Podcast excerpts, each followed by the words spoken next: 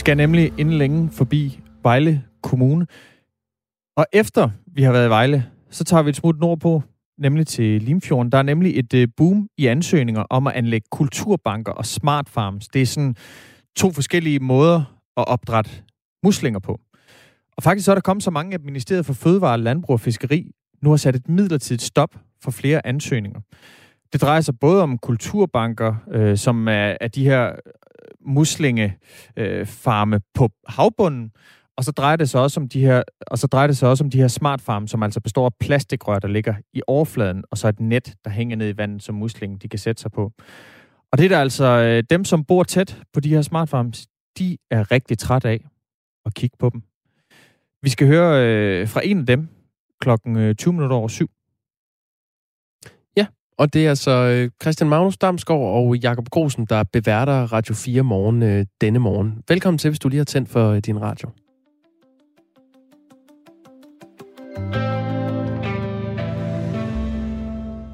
Og nu vender vi snuden mod Vejle. Øh, man har lige nu flere steder øh, bugt, øh, svært ved at få bugt med den øh, stigende smitte. Men i Vejle er incidenstallet steget øh, dramatisk til 135,9 tilfælde per 100.000 indbyggere.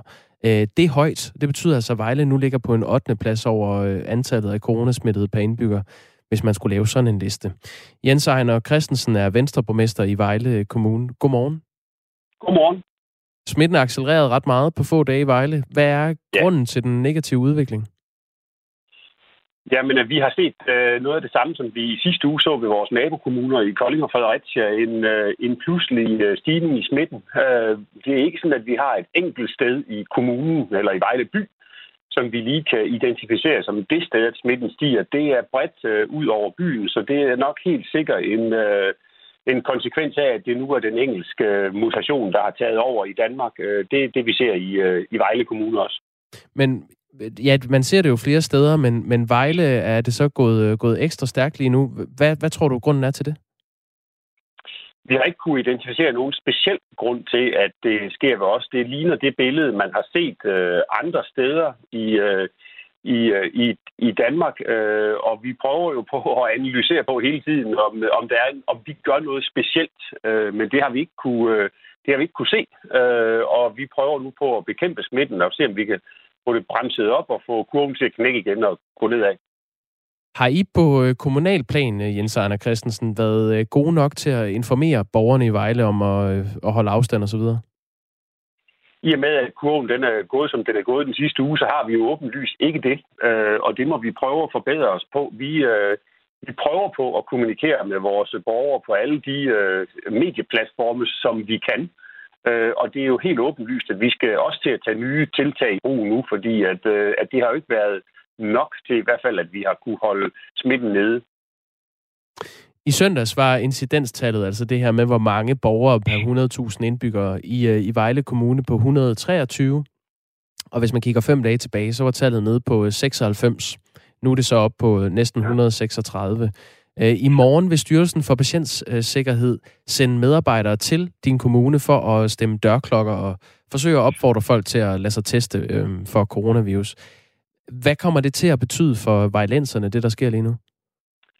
Jamen, det kommer jo til at betyde det, og det fik vi jo sådan set allerede taget hul på i går, at vi får jo en meget større øh, generel mediebevågenhed på vores eget på vores egen udfordring. Og jeg er glad ved, at, øh, at øh, Styrelsen for Patientsikkerhed, at de vælger at og tilbyde os øh, nogle af de der nye medarbejdere, de har, der kan være med til at stemme, øh, stemme dørklokker. Øh, det gør jo bare, at, øh, at man kan sige, den generelle opmærksomhed i, i Vejle by øh, og i Vejle Kommune generelt, den bliver større på det, man nu skal gøre, nemlig tage ud og lade sig teste øh, i et meget større omfang, end vi har gjort hidtil. Og det vil vi, øh, øh det, det, det, det tager vi øh, rigtig øh, glad imod, at øh, Styrelsen for Patientsikkerhed tilbyder os det. Hvorfor har det ikke været nok øh, i Vejle, at man øh, bare har taget kontakt til øh, de smittede borgere telefonisk? Ja, altså det er jo øh, øh, det, det, grunden, eller den måde, man tager kontakt til dem på nu, det skal jo være for, at man får lavet de der forebyggende test. Så vi har jo ikke kunnet vide, hvem vi har skulle ringe til. Smitteopsporingen tror jeg sådan set, vi har haft rigtig godt styr på. Det har vi, øh, der har vi øh, øh været i kontakt med stort set øh, alle dem, som vi skal i forhold til, når vi ved, at der er nogen, der har været smittet. Så den omgangskreds, de har haft, det har vi haft øh, meget, meget øh, stor succes med. Men, men det, som vi går i gang med nu, det er jo at opfordre folk til at lade sig teste. Øh, også selvom de ikke har symptomer og ikke er, er smittet, men simpelthen bare i den øh, strategi, som der nu er lavet fra national hold på, at vi alle sammen skal testes øh, meget, meget mere, hvis vi skal kan lukke samfundet øh, bare en lille smule op. Tak fordi du var med, Jens Ejner Christensen. Selv tak. Og held og lykke med det arbejde, der går i gang. Ja, i lige måde, tak. Ja, tak. Godt. Hej. Øh, hej. Venstreborgmester i øh, Vejle Kommune, og fremover kommer der så til at være yderligere testkapacitet i øh, kommunen også, så øh, opfordringen lyder på at, at svinge forbi og få en test, hvis man øh, skulle være i, i Vejleområdet. Det kan jo også være, at Vejle kunne få nogle gode råd fra Struer Kommune. Vi har talt en del om, øh, hvilken fastlandskommune vil blive den første siden efteråret, der ville nå et incidenstal på 0. Altså 0 smittede den seneste uge. Det har vi talt om. Det er Struer. Struer Kommune ligger nu... I går der lå de med en øh, smittet. Struer er nu nede på 0 den seneste uge. Øh, der bor omkring 21.000 mennesker i øh, Struer Kommune, og øh, som jo ligger i det nordlige Vestjylland. Og nu har de altså klaret en uge med 0 positive coronaprøver. Tillykke til Struer Kommune. Det er, det er godt gået. Og tiden arbejder jo for kommunerne. Altså det, det her incidenstal, det er jo beregnet over smitte fra de seneste syv dage. Ja. Så hvis man nu øh, har en uge, hvor man øh, har banket smitten ned, og med nul nye smittetilfælde, ja, så kan man altså også komme på listen over øh, kommuner, der øh, har et incidenstal på 0. Skal vi tage... Øh, der er fire. Ja, tre af dem er, øh, er genganger. Kom bare med dem. Samsø, Ærø, Læsø. Det er ø-kommunerne, som klarer sig godt, og som også tit bliver fremhævet i uh, snakken om, hvorfor kan man ikke få lov til at, at uh, komme tilbage i skole, hvis man går i skole på Samsø for eksempel. Jeg kan lige sige, der er dem, som er nærmest et incidenstal på 0, der er altså Jøring, også i Nordjylland, og også en fastlandskommune. Hvad ligger de på? De har et incidenstal på 6,2. De har haft fire nye smittetilfælde med corona den, de seneste syv dage. Mm. Det er heller ikke så højt. Så er der Lolland med tre smittetilfælde de seneste syv dage. Og så Gribskov. Og så kommer Bornholm, som jo altså er genåbnet. Altså, for real. Der er, øh, der, der, er, der, det er jo ikke totalt uh, almindelige uh, tilstande, men i hvert fald det, der ligner mest i uh, det danske land lige nu. Man kan i hvert fald blive klippet og tatoveret og masseret. Det kan jo også noget. Nu vi taler om det her, det, det er jo lidt relateret til, til genåbning, Christian Magnus. Mette Frederiksen skrev i går på Facebook, så du det? Nej.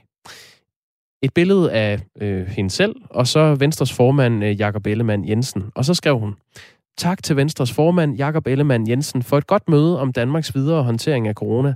Jeg fik gennemgået Venstres øh, forslag. Vi er ikke enige om alt, men om meget, og der er mange gode takter. Ikke mindst hvad angår vacciner, vigtigheden af coronapas, ønsket om at få børn og unge tilbage i skole igen.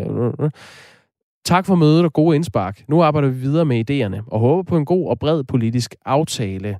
Så kommenterer Jakob Ellemann Jensen, altså det her, det er jo simpelthen, vi er jo nødt til at fremføre det her som en form for, øh, for øh, lyddrama. Vi kan jo ikke få fat i nogen af dem. Jakob Ellemann kommenterer så inde på Facebook og skriver, selv tak for mødet. Jeg er klar til at forhandle, hvornår det skal være. Der er ikke nogen grund til at lade det her vare flere uger. Til alle jer andre, I kan læse mine og Venstres tanker her, så et link til Venstres egen hjemmeside. Det her, det er jo smart. Han går ind og kabrer Mette Frederiksens kommentarspor. Ja, og det er jo en velkendt sag i øh, dansk politik efterhånden. Det er derinde, man, øh, man kan drille hinanden og, og få ens eget budskab til at få flere likes, end det andet budskab, man øh, øh sådan opponerer imod. Men det er det jo smart af Mette Frederiksen, at hun er begyndt at fremhæve Jacob Ellemann mere i, i både når hun holder pressemøde, eller nu også på sin egen Facebook-side, for ligesom at, at få øh, samlet tropperne. Altså få også den, den øh, borgerlige fløj øh, ind og, og bakke lidt op omkring det, der øh, bliver meldt ud fra regeringens side.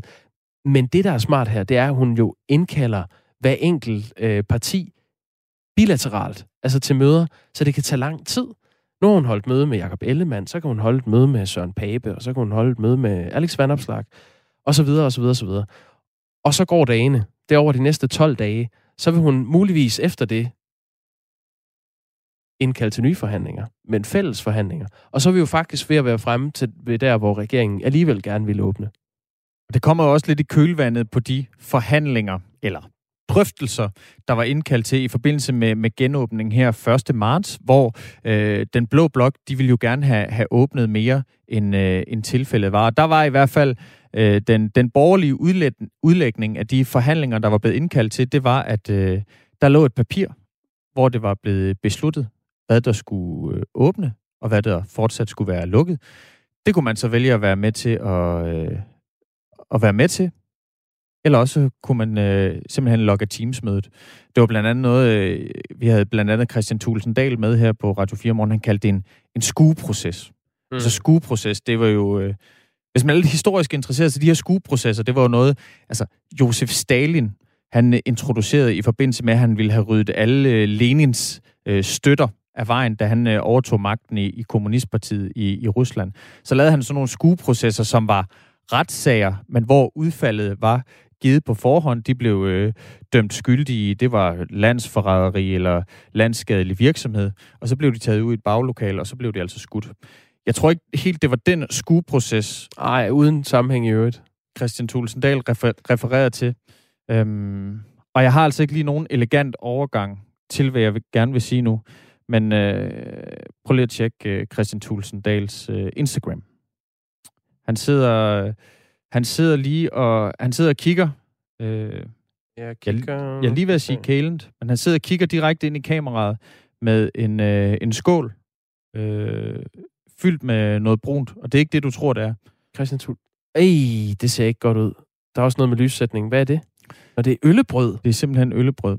og til det, der skriver Christian Thulsen Dahl, oh. Når rugbrød er blevet lidt tørt, så er det godt til øllebrød. Og så sådan en smiley, der blinker med det ene øje og rækker tunge. Hmm. Så mellem alle de online-møder, som godt snart må få en ende, jeg har i dag, så snupper jeg lige en portion. Om, skriver altså Christian Thulsen Dahl, der jo følger op på en, øh, kan, man, kan man kalde det en tendens nu? Der det har været synes jeg helt klart godt, man kan, ja. Nu er det øllebrød.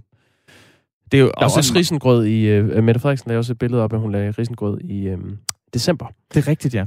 Øhm, øllebrød er jo også en meget folkelig ret, på en eller anden måde. Den er, den er sådan i øjenhøjde. Altså, det er brød. Det er altså, øl. ja. Sociale medier er kommet for at blive, og det er fint nok. Men øh, kære politikere, vi vil også gerne se jer her i radioen en gang imellem. 18 minutter over syv er klokken blevet.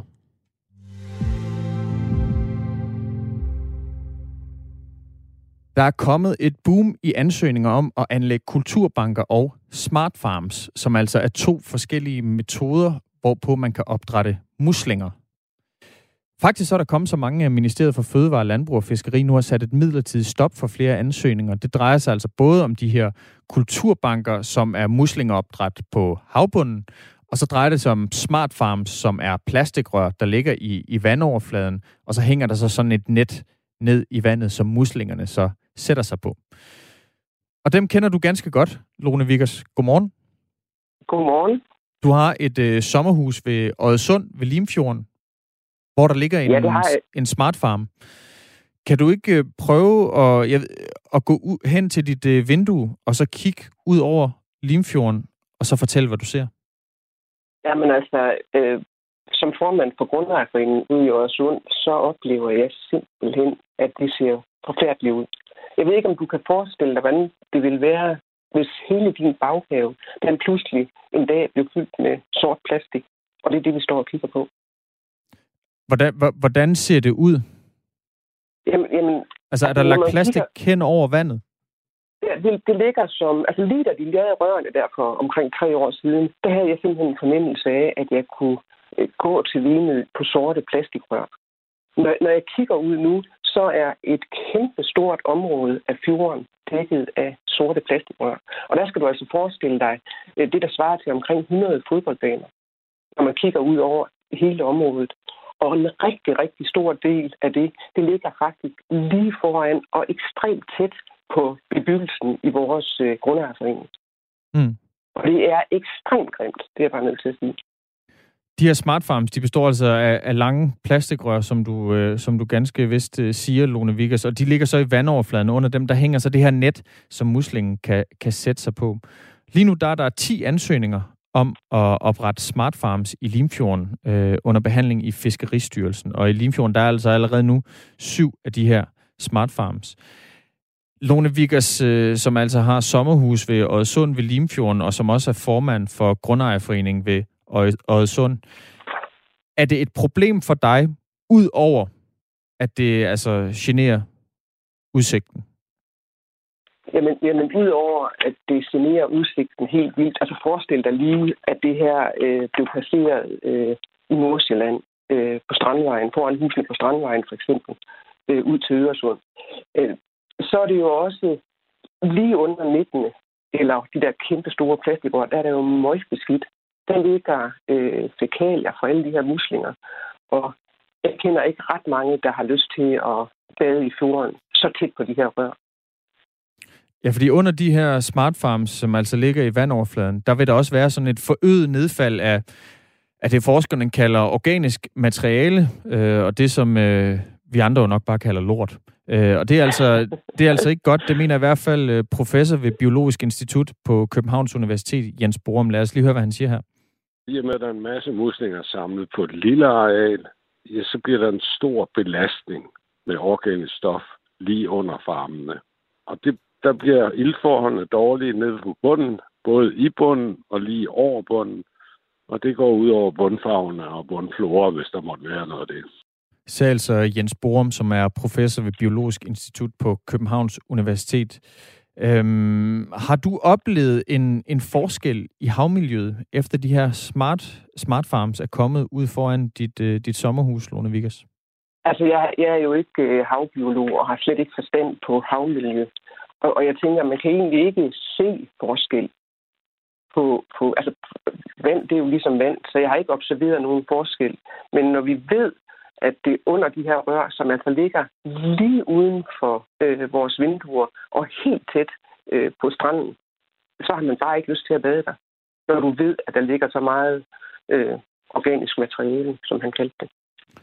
Vi har fået en øh, uh, sms fra en uh, lytter her, Lone Vickers, um, som skriver, Husk lige muslingesnakken. Det er, selvfølgelig, det er selvfølgelig surt ikke at have udsigt til vild natur fra sit sommerhus, men det lyder ikke som en menneskeret. Lad os lige få lidt perspektiv på tingene. Muslingfarm er den mest bæredygtige kilde til animalsk protein, som vi kender til. De udleder mindre CO2 end gulerødder. Dermed er muslinger en oplagt medspiller til at løse den kæmpe fødevarekrise, vi er på vej ind i. Vores kost skal fremover øh, sammensættes på en helt anden måde, gerne med flere muslinger på menuen.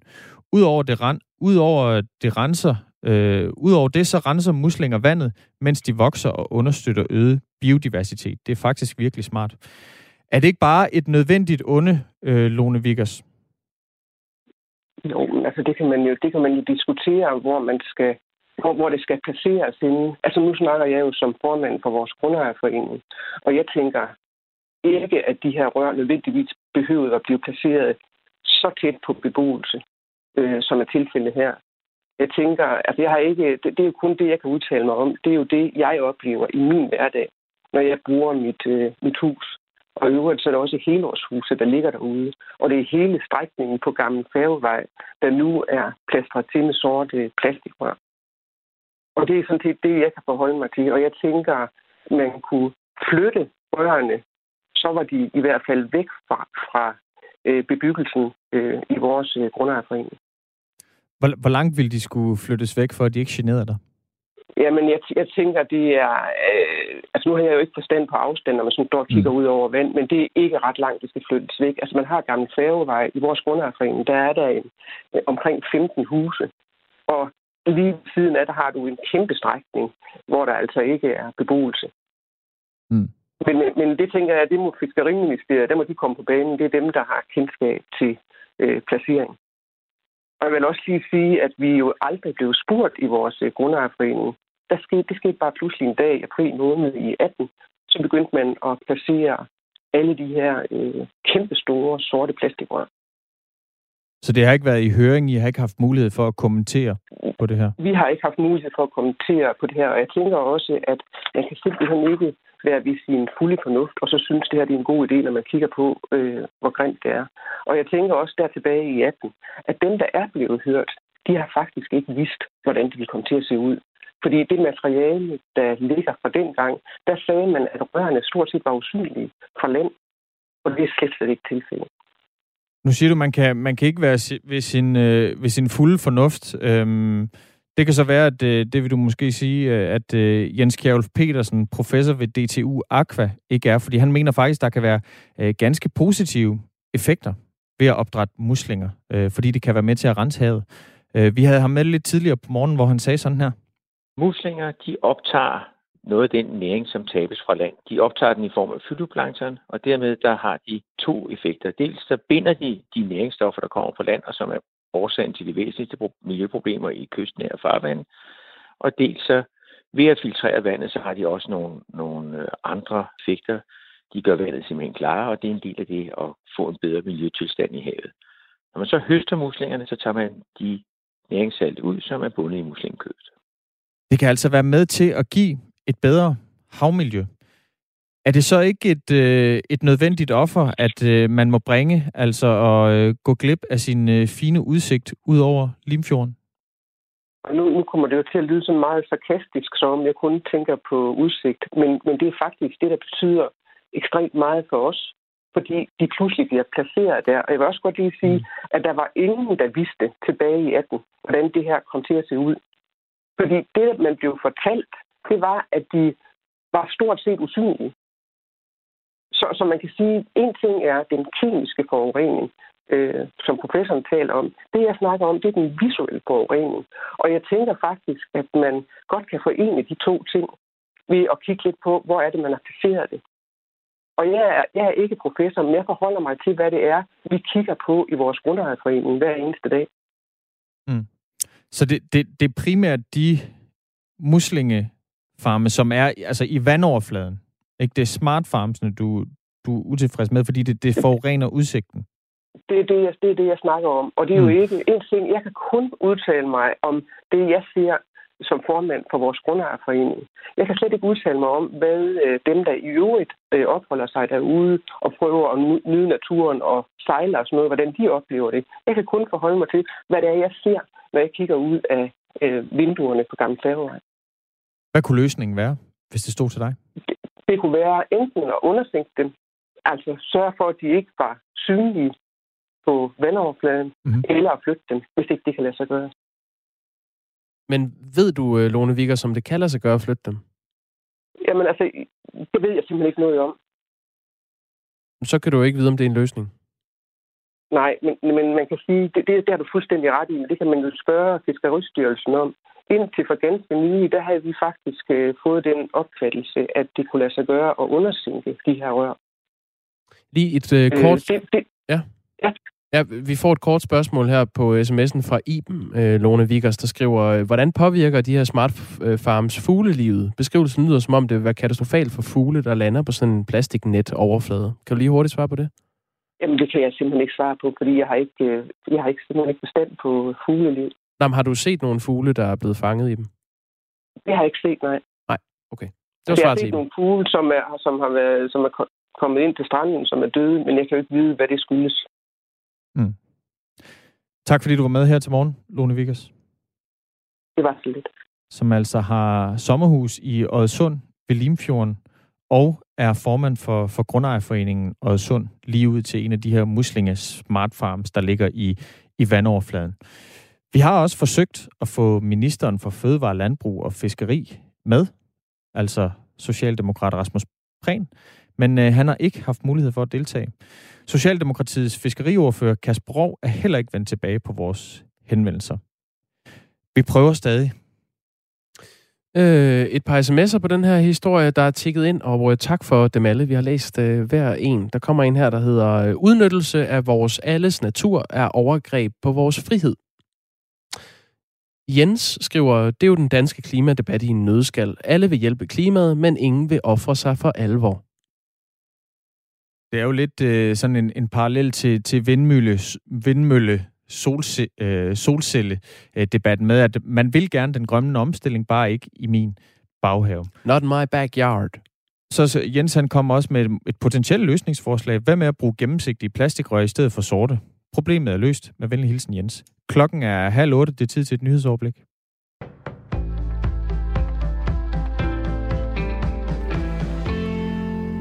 Når tidligere udlændinge- og integrationsminister Inger Støjberg til efteråret skal i rigsretten, så ønsker hovedpersonen selv mere åbenhed. Konkret er hun klar med to lovforslag, som skal ændre indretningen af den rigsretssag, hvor hun selv står tiltalt, det skriver Berlingske. Det ene forslag handler om, at det skal være muligt for medierne at sende lyd og billede direkte fra rigsrettens forhandlinger – det andet forslag er, at der i rigsrets domme ikke kun skal angive stemmetal, men også hvilke dommere, der har stemt på hvilket resultat. I dag kan man ved domme fra højesteret se dommernes betragtninger, mens det ikke er muligt ved strafferetsdomme fra eksempelvis landsretterne. De politisk udpegede dommere er i flere tilfælde politikere, og dermed nogen, som er vant til at stå ved, hvad de mener, og dommerne fra højesteret er også vant til, at man kan se, hvad de mener i den enkelte sag. Jeg kan faktisk ikke se, hvorfor vi ikke skal have samme fulde offentlighed i rigsretssager, siger Inger Støjberg til Berlinske. Et bredt flertal i Folketinget stemte i februar for at rejse tiltale ved rigsretten mod Inger Støjberg for brud på ministeransvarlighedsloven i sagen om adskillelse af asylpar i hendes tid som udlændinge- og integrationsminister for Venstre. Rigsretssagen mod Inger Støjberg er berammet til at begynde den 2. september. Det fortalte Henrik Møring. I dag cykler vi 8% mindre, end vi gjorde i 2010, ifølge Vejdirektoratet. Og for at få flere til at hoppe på cyklen, foreslår erhvervsorganisationen Dansk Industri, at der skal bruges 3 milliarder kroner på at udbygge og forbedre landets cykelstier. Det skriver Jyllandsposten. Det er en del af det udspil, som organisationen har udarbejdet til de næste 10 års investeringer i infrastrukturen. I de store byer kan vi ikke blive ved med at bygge infrastrukturen ud. Og hvis vi kan få flere til at hoppe på cyklen, gå eller tage toget, kan vi lette presset på vejnettet, siger Michael Svane, der er direktør hos Dansk Industritransport til Jyllandsposten. Ifølge ham tilkendegiver virksomheder i hele landet, at cykling er noget, de vil satse på i fremtiden. Der er til med virksomheder, som stiller cykler til rådighed for deres medarbejdere, siger han. Forslaget om at investere i en mere cykelvenlig fremtid får støtte fra både bilejernes interesseorganisation FDM og fra transportminister Benny Engelbrecht. Men hvor stor en investering der kommer på cykelområdet bliver op til kommende forhandlinger, siger transportministeren til Jyllandsposten. Republikanske politikere i den amerikanske delstat Georgia har vedtaget en ny lov, der begrænser adgangen til at stemme ved valg, det skriver nyhedsbureauet AP. Lovforslaget er blevet vedtaget med 97 stemmer mod demokraternes 72 stemmer i delstatsparlamentets underhus. Nu går det videre til Georgias senat til yderligere debat. Forslaget blev lagt frem efter, at demokraterne vandt både præsidentvalget og to senatvalg i delstaten for nylig. Ved valgene, der blev afholdt i henholdsvis november og januar, var valgdeltagelsen rekordhøj. Det omfattende lovforslag kræver blandt andet, at man indsender et foto-ID for at give sin forhåndsstemme. Derudover vil loven forkorte den tid, man har til at anmode om at brevstemme, og det begrænser adgangen til de bokse, hvor brevstemmer skal afleveres. Loven er en af mange, som republikanerne forsøger at komme igennem med i flere delstater for at begrænse muligheden for at stemme. I dag først skyet vejr og udbredte tåge, men efterhånden klarer det op med nogen eller en del sol. Temperatur mellem 4 og 9 grader, svag til jævn vind, og så kan der forekomme stedvis rimglatte veje her i morgentimerne. Det var nyhederne i den her omgang. I studiet Signe Ribergaard Rasmussen.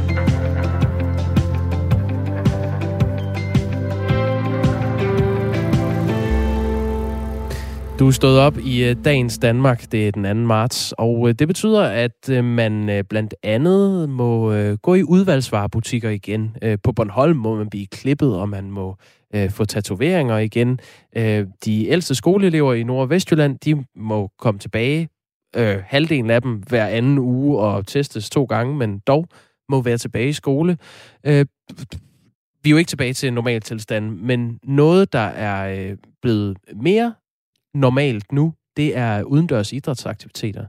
Øh, I sidste, øh, eller det var faktisk i går, blev øh, forsamlingsforbuddet nemlig hævet fra 5 til 25 personer i forbindelse med organiseret idræts- og foreningsliv. Øh, Det betød blandt andet, at klubber som VSK Aarhus øh, fra i går altså kunne øh, byde ivrige amatørfodboldspillere velkommen for første gang siden jul. Og vores øh, reporter Benjamin Munk har været med til fodboldtræning. Velkommen! Kom lige! Er I, er klar til at spille noget fodbold? Ja! Godt. Jeg er taget til Rigskov, hvor U15-drengeholdet for første gang i mere end to måneder er til rigtig fodboldtræning. Ja, det er rigtig godt at være tilbage. Det, det er dejligt. Og træner Jesper Sørensen er enig. Det er simpelthen dejligt. Uha, det er fedt. Det har været ventet. Vi har kørt en online-træning, som primært har været noget styrketræning, for det er ligesom det, vi har haft mulighed for, hvor vi kunne se spillerne og ligesom have kontakt med dem. Og fuld, fuld engagement for spillerne af. Det har været fedt, men man kunne godt mærke iveren, den hele tiden har været der. Det har været svært at ligesom at hele tiden skal skrive, nu er du udsat, nu er du udsat, nu er du udsat. Men nu er vi i gang, og det er fedt. Vi er godt vejr. Alle er glade. Det er super. De seneste måneders træning har været noget alternativ. Vi skulle jo som træner lige finde ud af, hvordan det var. Det er jo øh, ikke vores hverdag at sidde foran en computerskærm og, og undervise og, og prøve at gøre nogle, nogle ting. Men øh, ja, jeg tror, vi fandt et, et system, som, øh, som vi synes, vi kunne øh, give videre til, til drengene, og vi kunne se, engagementet var der. Så har vi lavet noget løbetræning også, hvor de konkurrerede mod hinanden, og ligesom den der løb flest kilometer i gruppen fik nogle point og så videre. Så, så, så der har været sådan en, en, en, et god mix med, med både fysik og, og løb, og man skulle engagere hinanden i grupperne. Det, det, det synes vi har fungeret fint. Har I så ligget på maven og lavet armbøjninger på, på webcam og, yes. og det hele? Ja, det har, det har været med sved på panden og, og nogle, øh, nogle enkelte forældre, der har skrevet om, øh, er det nødvendigt at hoppe helt op i loftet, men øh, ja, det har, det har fungeret. Det har, det har været fedt. 3, 2, 1, nu! Kom nu lige! Hey, kom nu! Alt hvad I kan! Alt hvad du kan, Molly! Kom nu! Hvordan reagerede drengene, da du ligesom øh, kunne fortælle dem, at de måtte komme igen? Jamen, øh, vi har lavet sådan en aftale, fordi vi kun kunne være de her, eller vi, vi har sådan et, et program, hvor man booker sig til træning og så videre. Der, der skulle man komme et så hurtigt, hvad man kunne de næste 14 dage, for at vi ligesom kunne lave et, et system, så vi vidste, hvem det var og hvem der ikke var. Og øh, det var fuldt booket med det samme. Det tog ikke mange minutter, så det var, det var sgu fedt. Så de var, de var på. Og selvom den virtuelle træning har fungeret, er fodboldkammeraterne Malte, Mikkel og Markus glade for, at de igen kan mødes på banen. Jeg blev i hvert fald glad. Altså, jeg tænkte bare, at endelig noget, der sker godt under, under corona, fordi alt der var været negativt. Så endelig må man spille fodbold igen, og man var mange sammen under fodbold, og det var bare dejligt. Og få sammenholdt igen. Ja, man har manglet lidt sådan at have nogen at sagt med uden for skolen, og vi sidder alligevel bag en skærm i skolen, så det er ikke meget kommunikation, man får med folk. Nej. Der er et andet sammenhold, når man står heroppe til en træning og er sammen, så står man og snakker på en anden måde. I stedet for når man sidder bag en skærm, så kan man ikke rigtig få en samtale i gang og, lige, og hygge, man hygger sig mere til træning.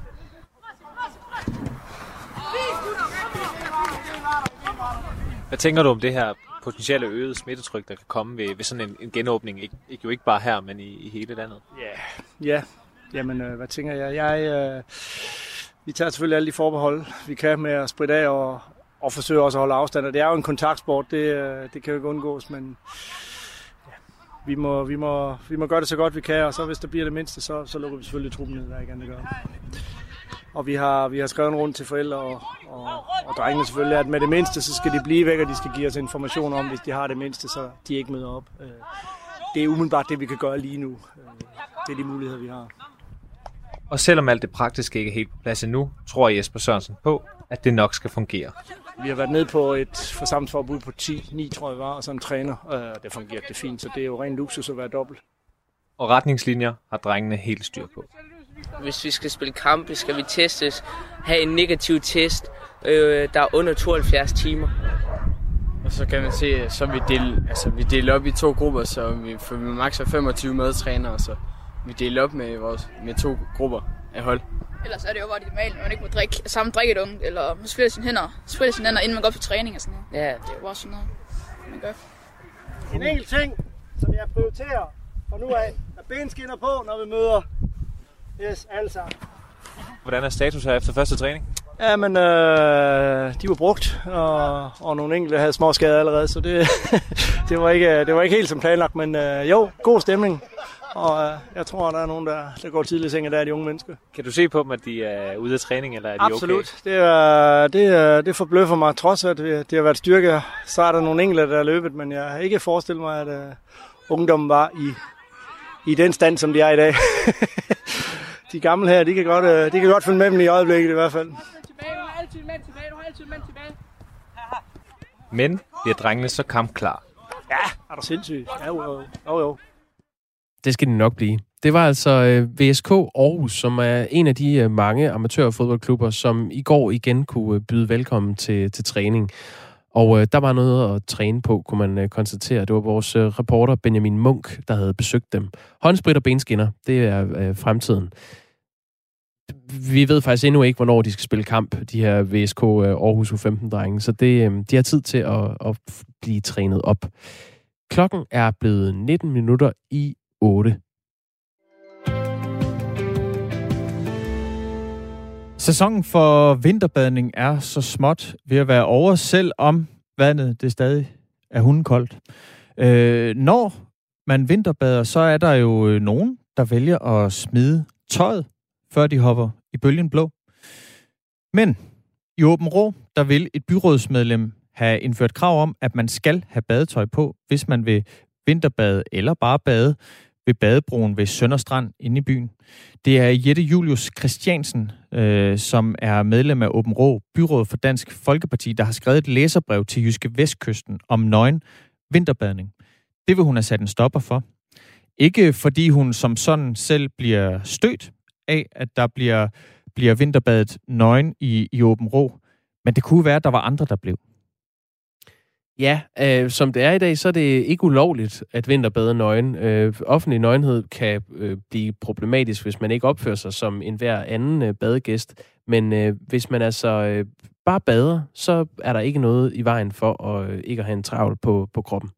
Vi taler altså med øh, Jette Julius Christiansen fra Åben Rå Byråd, og det gør vi klokken 25 minutter i 9. Det er et interview, vi øh, glæder os ret meget til. Øh, skriv gerne ind, hvis du er vinterbedre for Åben Rå. Øh, I øvrigt, sms'en er åben for, øh, for alle, der har lyst til at skrive ind. 1424. Start beskeden med R4, efterfulgt af din øh, kommentar. Gåtur. Øh, vi bliver lidt i naturen. Fordi gåtur, det har også været et, øh, et stort hit de, de seneste måneder, mens øh, landet har været lukket ned. Særligt øh, københavnerne er blevet glade for at tage til Naturpark Amager for at få frisk luft. Men flere gange der har Amarminoen, som den bliver kaldt, øh, den her rute i Naturpark Amager, den har været genstand for ophedede konflikter mellem parkens gæster. Det skriver Naturpark Amager i en øh, pressemeddelelse. Øh, Svend Norp, godmorgen. Godmorgen. Du er skovfod i Naturstyrelsen. Hvad er det for nogle konflikter, I har oplevet ved Amarminoen? Jamen, det er som ikke bare på Amarmino, det er sådan set på alle de stier, vi, oplever, vi har ude i Naturpark Amager. Der har vi jo oplevet en enorm succes med langt, langt flere besøgende, vi på noget tidspunkt har set. Og der er faktisk nærmest trængsel. Øh, der er trængsel på stierne, og det gør så, at øh, de forskellige brugere, de øh, konflikter. Fordi man er uenig, uenig om, at en af grundene til, at man konflikter, det er, at man er uenig om færdselsreglerne i naturen. Hvad? Altså, der, der er både løbende og gående og cyklende. Der er rigtig mange forskellige brugere. Mm. Hvad, hvad er færdselsreglerne på Amarminoen? Ja, eller færdselsreglerne på for veje i, ude i naturen, det er, at man holder til venstre, når man er til fods. Det vil sige, når man løber eller går en tur, og hvis man er ude at cykle eller rulleskøjter, så holder man til højre.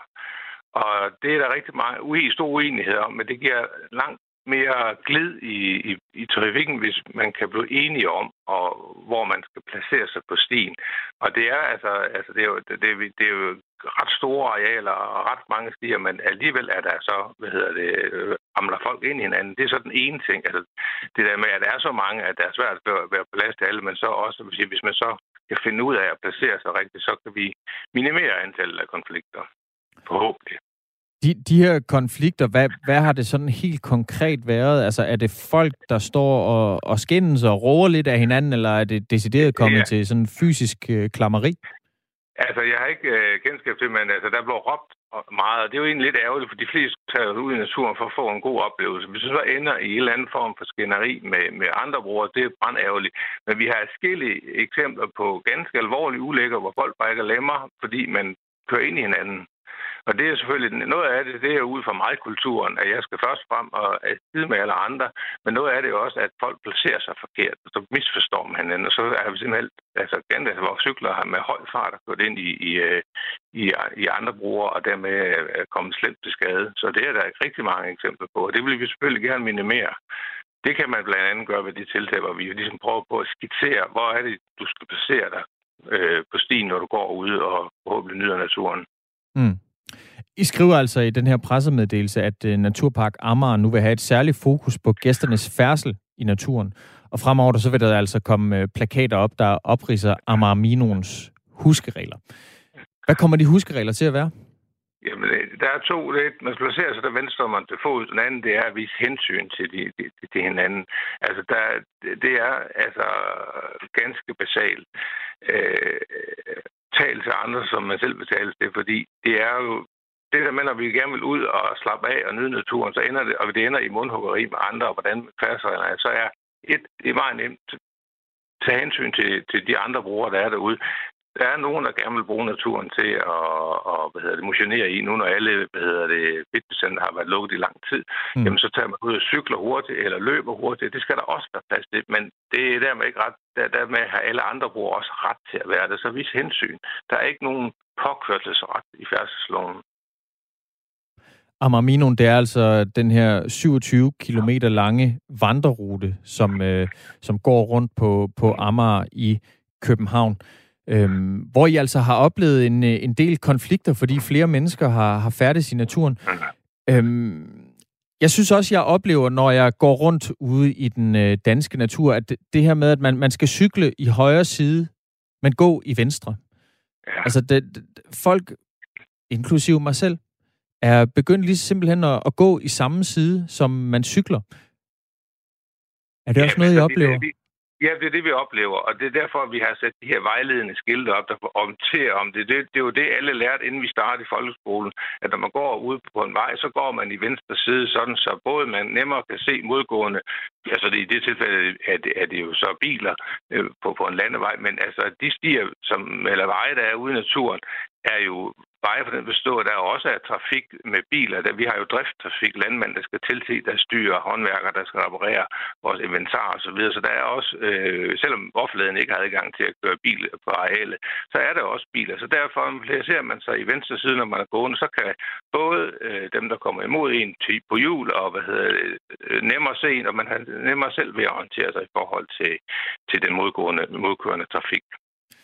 Svend Nord, har I været gode nok til ligesom at skilte med, øh, med gode måder at, at færdes på på Amarminoen, eller har I også sådan lidt øh, en, en del i, at der er et øh, sådan ret øh, højt konfliktniveau rundt på den her 27 km lange vandrerute på Amager? Altså, man kan jo altid diskutere, hvornår nogen på det offentlige skal gøre noget. Men det her, det er jo ganske almindeligt at sige, at Naturstyrelsen, når vi forvalter naturen, så øh, forvalter vi naturen for at lave noget fin natur og skabe nogle muligheder for at færdes. Så er der nogle generelle færdselsregler, som alle lærer. Vi kan diskutere, hvor meget Naturstyrelsen skal bruge kræfter på at informere om lovgivningen. Men vi har et stort ønske om, at der kommer rigtig mange besøgende og ud og oplever naturen. Øh, vi har ikke et stort ønske om, at, hvad hedder det, og, hvad hedder, at der bliver konflikter. Så derfor har vi egentlig valgt at gå den vej, selvom man kan diskutere, hvor, hvad skal vi skilte om. Fordi vi kan jo tapisere naturen med skilte om, hvordan man skal opføre sig. Noget, som egentlig burde være en banal øh, hvad hedder det, god opførsel, at man har lært at opføre sig ordentligt over for andre, til at vise hensyn til andre, og så kende færdselslovens basale regler. Det, det, det, det er en diskussion diskussion, men nu har vi jo valgt at tage handskerne op og begyndt at informere om lovgivningen, der reelt ikke er Naturstyrelsen, men på en grund er en, en, øh, en lovgivning, som politiet øh, tilser. Tak fordi du var med, Svend Nordp. Velbekomme. Altså skovfod i Naturstyrelsen. Om øh, de mange konflikter, der er på den her 27 km lange vandrerute, øh, bedre kendt som Amarminoen i København. Flere mennesker har jo øh, færdes i naturen under nedlukningen af Danmark, øh, som Svend Nord også var inde på her. Fitnesscenterne har været lukket, så flere har været ude på deres mountainbikes og øh, snørret løbeskoene for at få noget motion i det frie. Og det har altså skabt konflikter på Amarminoen Silas har detekteret problemet. Han skriver, men alle fra byen har jo lært i deres storcenter, at de skal holde til højre. Ja. Men det er jo faktisk ikke altid, man skal holde til højre. Hvis man går, så skal man holde til venstre. Øh, Kim, som er landbo, han synes, det er skør snak. Han skriver, ej, nu stopper I. Skilte med, hvordan vi bevæger os i naturen. Skør snak. Ben hilsen, Kim. Tak for sms'erne. Alle sammen. Klokken er 10 minutter i 8.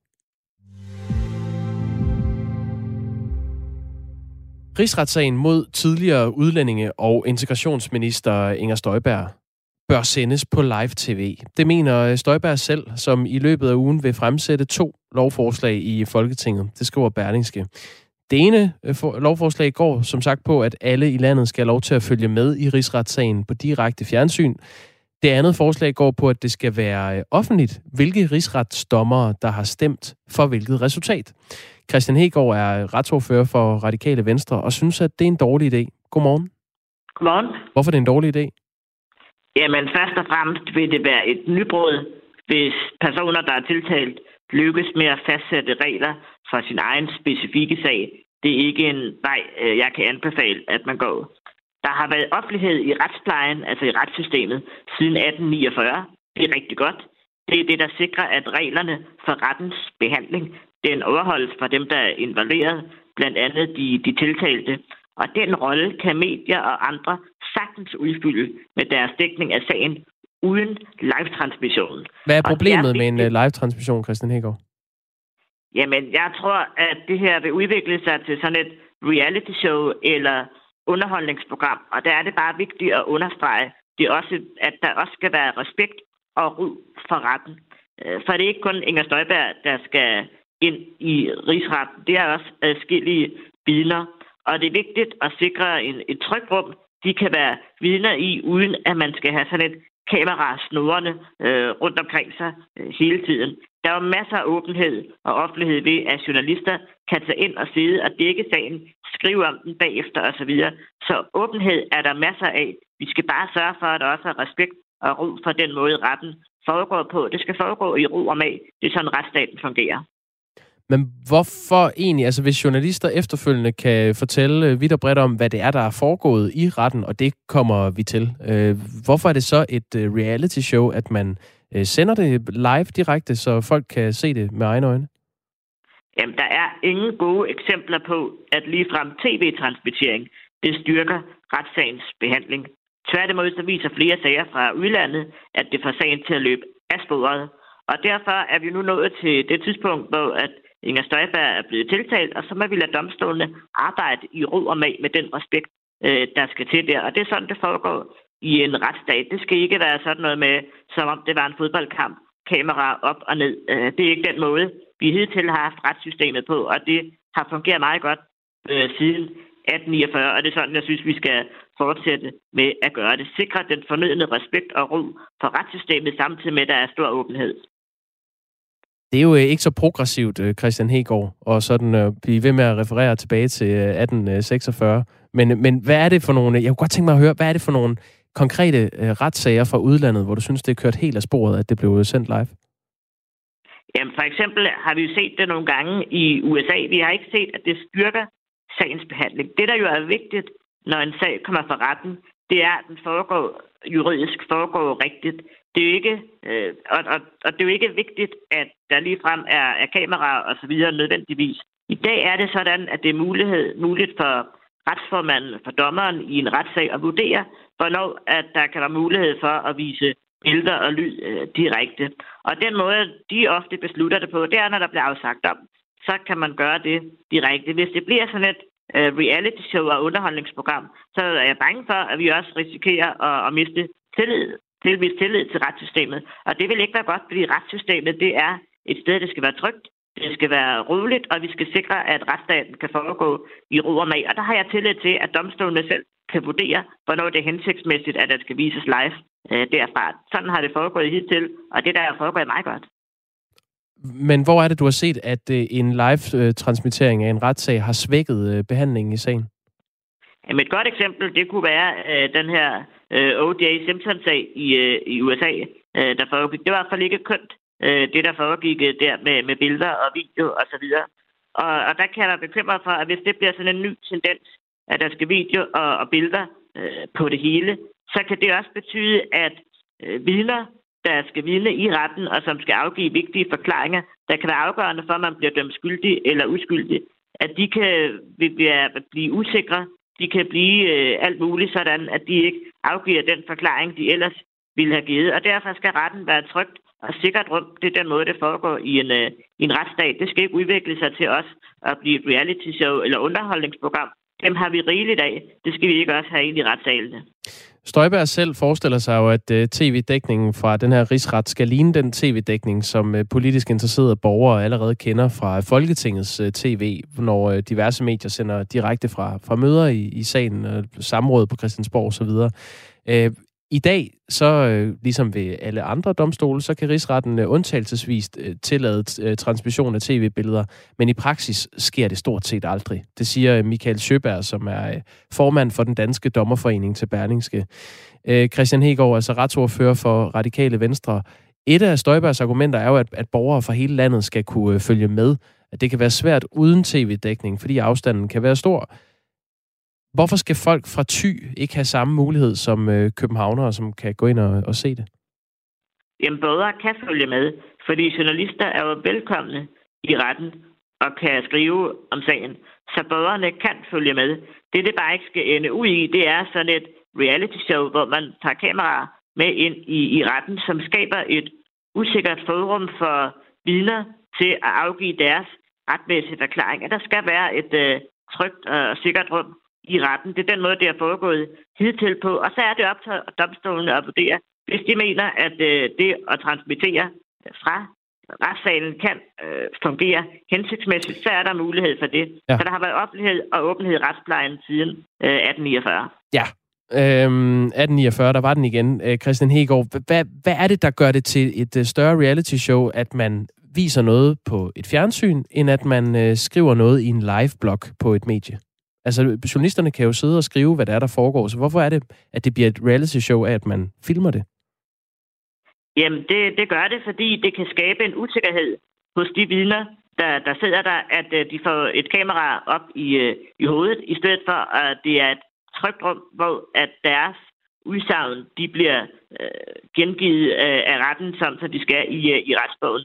Jeg kan være bekymret for, at det, når vi ser på sager øh, fra udlandet, kan ende ud i, at sagen løber af sporet, at der ikke er fokus på det juridiske, som jo er det centrale, når en sag behandles i, i retten. Og derfor må vi have tillid til, at domstolene kan vurdere, hvornår det er hensigtsmæssigt, og hvornår det ikke er hensigtsmæssigt for en tilstrækkelig god sagsbehandling, som jo også er udtryk for retssikkerhed, at domstolene kan vurdere, hvornår det er klogt at have et kamera tændt, og hvornår det ikke er klogt at have et kamera tændt. Og jeg tænker, at det heller ikke er det smarteste, at det hele skal foregå på Inger Støjbergs præmisser. Jeg tror gerne, hun vil have, at det her skal være med fuld farve og flimmer, og jeg ved ikke hvad. Og det tror jeg bare ikke er klogt ud fra en, en retslig synsvinkel. Der er en lytter, der har skrevet ind på 1424, startet sin besked med R4. Han hedder Kenneth. Han skriver, jeg mister tilliden til systemet, når de ikke tør vise, om Inger bliver behandlet fair. Det er jo en anden holdning til, til sagen. Christian Hegård. Ja, og det, er jo lige, ja. og, det er lige, og det er jo lige præcis den situation, som Inger Støjberg ønsker at skabe ved at fremsætte det her forslag. Og vi hopper alle sammen i med begge ben, øh, når, når vi ligesom øh, bliver ved med at træde rundt i det og tale om det. Men der er vi bare nogen, der er nødt til at, at sige klart og tydeligt fra, at det her er populisme. Det, vil, det er udelukkende for, at det skal ende ud i mere reality, end det i forvejen er gjort. Den her sag er politiseret alt, alt for meget. Det er vigtigt at have styr på redeligheden og sagligheden i det her, og lad det være op til domstolene at vurdere, hvornår det er klogt at have kameraer tændt, og hvornår det ikke er klogt. Det skylder vi domstolene at have tillid til, sådan at det er et trygt sted at vidne, så vi får de rigtige vidneforklaringer, og alt bliver belyst ordentligt og redeligt. Det skal foregå trygt og roligt i, i retssystemet. Sådan fungerer vores retsstat. Tak fordi du var med, Christian Hegård. Selv tak, og god dag. Tak i lige måde retsordfører for øh, Radikale Venstre. Og den her rigsretssag er altså planlagt til at, øh, at starte til øh, september. Inger Støjbergs andet forslag ud over den her live-transmittering øh, af rigsretssagen, det er, at, øh, at man efter dommer, øh, dommen er afsagt, så skal det være muligt, at man kan få at vide, hvilke dommere, der har stemt for hvilket resultat. Vi har forsøgt at få et interview med Inger Støjberg om øh, de her lovforslag, hun vil fremsætte, men hun er ikke vendt tilbage her til morgen. Lige om lidt så er der nyheder her på Radio 4, og efter nyhederne så skal vi blandt andet en tur til Norge, som øh, går modsatte vej af Danmark. Herhjemme der er vi jo begyndt at åbne. I Norge der lukker man klokken er 8.